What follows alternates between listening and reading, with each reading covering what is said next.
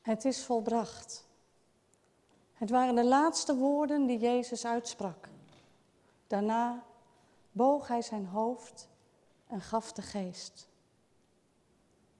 Het is vandaag Goede Vrijdag, de dag waarop we stilstaan bij het lijden van Jezus en zijn sterven aan het kruis. En voor veel mensen is de betekenis van Goede Vrijdag niet meer duidelijk. Anders dan bijvoorbeeld kerst en Pasen wordt er aan Goede Vrijdag weinig of geen aandacht geschonken. En een aantal jaar geleden hebben televisiemakers daar verandering in gebracht. En de groots opgezette uitzending van The Passion wordt door veel miljoenen mensen bekeken.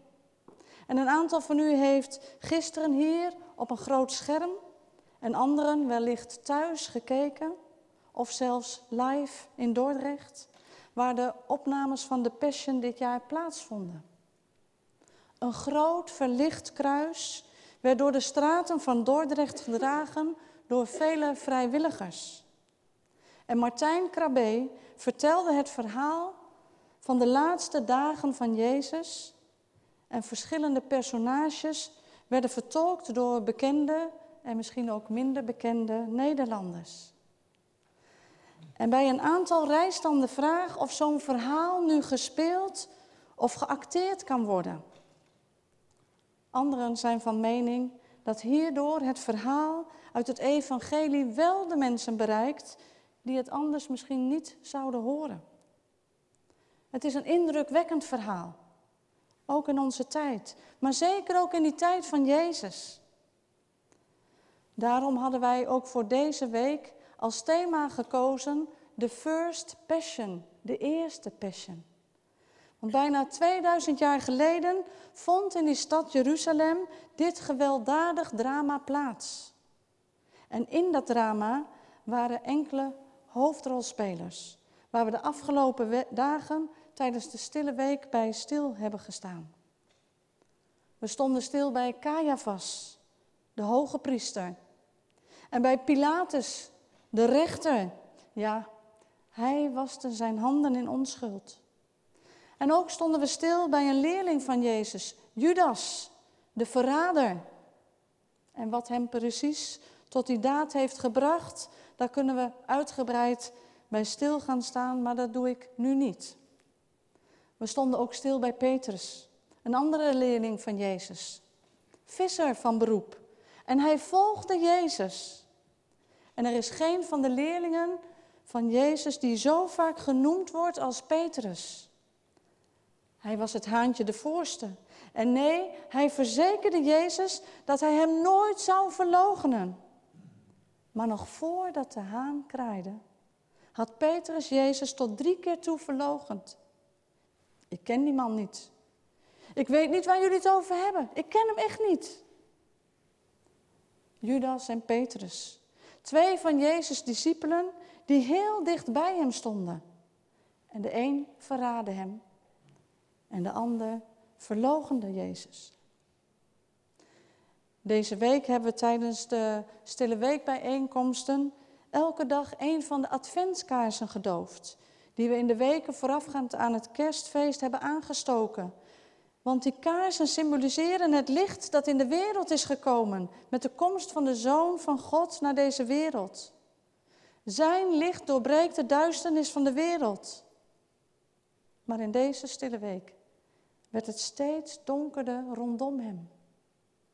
En de duisternis lijkt het weer te gaan winnen van het licht.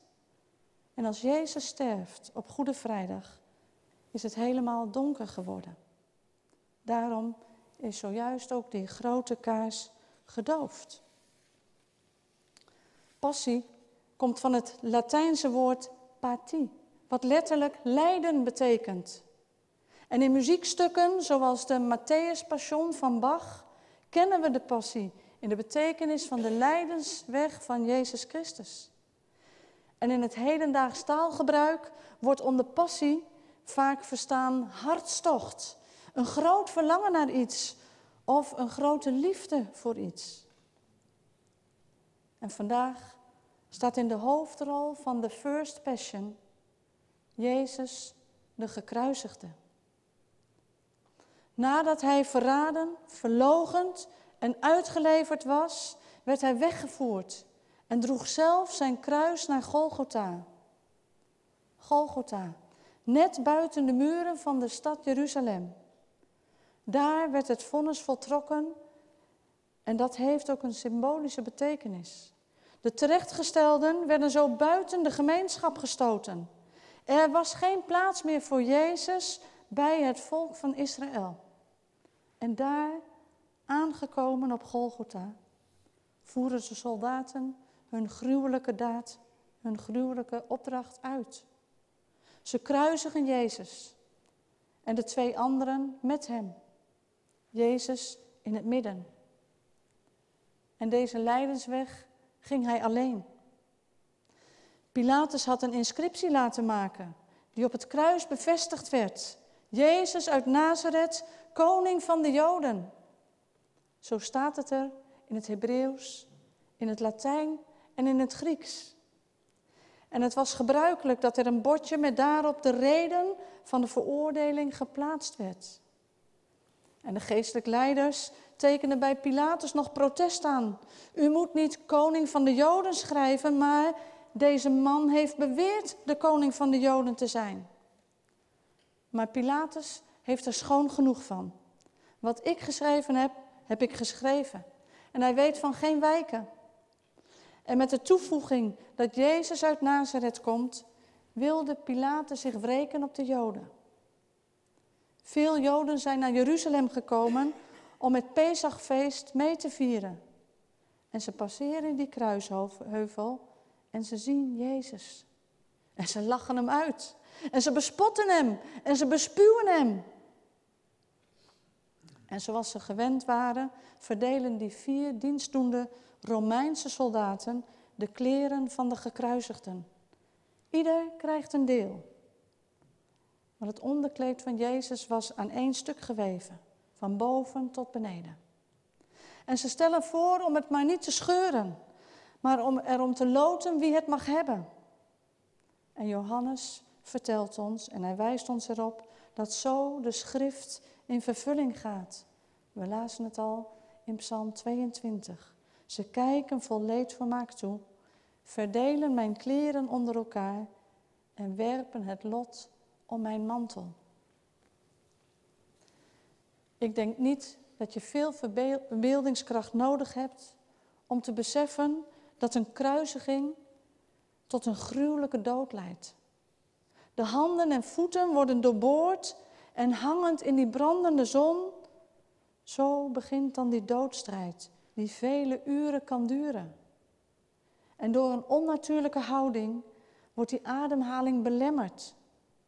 En uiteindelijk sterft dan de gekruisigde aan een shock en verstikking. Daar hangt Jezus, de gekruisigde, in het midden. Links en rechts van hem hangen twee verzetstrijders. Naakt hangt hij daar, ontdaan van alle menselijke waardigheid. Een totale vernedering. En van zijn hoge kom af is niets meer overgebleven. Hij wordt aan het samengestroomde volk tentoongesteld als een misdadiger. En wie herkent hem nog als de bevrijder? Is hij werkelijk de koning van de Joden? Is hij werkelijk die lang verwachte Messias? Is hij werkelijk de door Gods geliefde zoon? Jezus, de gekruisigde? Wat maakt nou dat lijden en sterven van Jezus zo bijzonder? Hij is niet de enige die op zo'n verschrikkelijke manier heeft moeten lijden. En ook is hij niet de enige die door de Romeinen werd gekruisigd. Maar wat maakt dan dat dat lijden en sterven van Jezus zo bijzonder is? Jezus is een mens zonder zonde. Hij is de zoon van God. Hij is door God zelf aangewezen en aangesteld als middel tot onze verzoening. Hij geeft zijn leven als een offer voor onze zonde. Jezus sterven aan het kruis heeft dus alles te maken met Gods verlossingsplan. Door middel van zijn bloed worden wij verlost van onze zonden. Door zijn sterven aan het kruis opent Gods Zoon voor ons de weg naar de Vader. En ik vertelde u al over die betekenis van het woord passie, lijden. De lijdensweg van Jezus Christus. Maar die andere betekenis van passie is hartstocht. Een grote liefde voor iets. God had onze wereld zo lief dat Hij zijn enige zoon gegeven heeft, opdat wie in Hem gelooft niet verloren gaat, maar eeuwig leven heeft. Uit liefde voor ons is Hij die lijdensweg gegaan, met hartstocht. En dat is wat het lijden en sterven van Jezus zo bijzonder maakt. I love you. I love you. That's what Calvary said. Ik hou van jou. Dat is wat God op Golgotha tot ons te zeggen heeft. Jezus stierf alleen. Zoals Jezus al voorspeld had, hadden zijn naaste volgelingen hem in de steek gelaten. Alleen een paar vrouwen en de geliefde leerling van Jezus staan bij het kruis. En tegen zijn moeder zegt hij: Dat is uw zoon. En tegen zijn leerling: Dat is uw moeder. De kern van Jezus' publieke optreden is het creëren van een nieuwe familie van God. En die nieuwe familie wordt hier geboren aan de voet van het kruis als de leerling de moeder van Jezus in huis neemt. En deze nieuwe familie wordt gekenmerkt door liefde en door vertrouwen. Zijn liefde en zorg voor de mensen is zo groot dat hij deze woorden nog sprak tegen zijn moeder en zijn leerling, terwijl hij daar zelf zo leed aan het kruis. Het is volbracht. Daarna boog Jezus zijn hoofd en gaf de geest. Het is volbracht. Is het daarmee dan ten einde? Is het klaar? Nee, hier begint het mee. Het is het hoogtepunt van de evangelie. Het is volbracht. De schrift was in vervulling gegaan en de wet werd vervangen door genade. Gods reddingsplan voor de wereld werd op Golgotha een feit. Op de eerste dag van deze stille week brak er een enorme brand uit in Parijs. En de trots van Frankrijk, en daarbuiten denk ik ook, de Notre Dame, werd voor een groot deel verwoest. Verschrikkelijk. En de volgende dag verschenen er beelden van de puinhopen.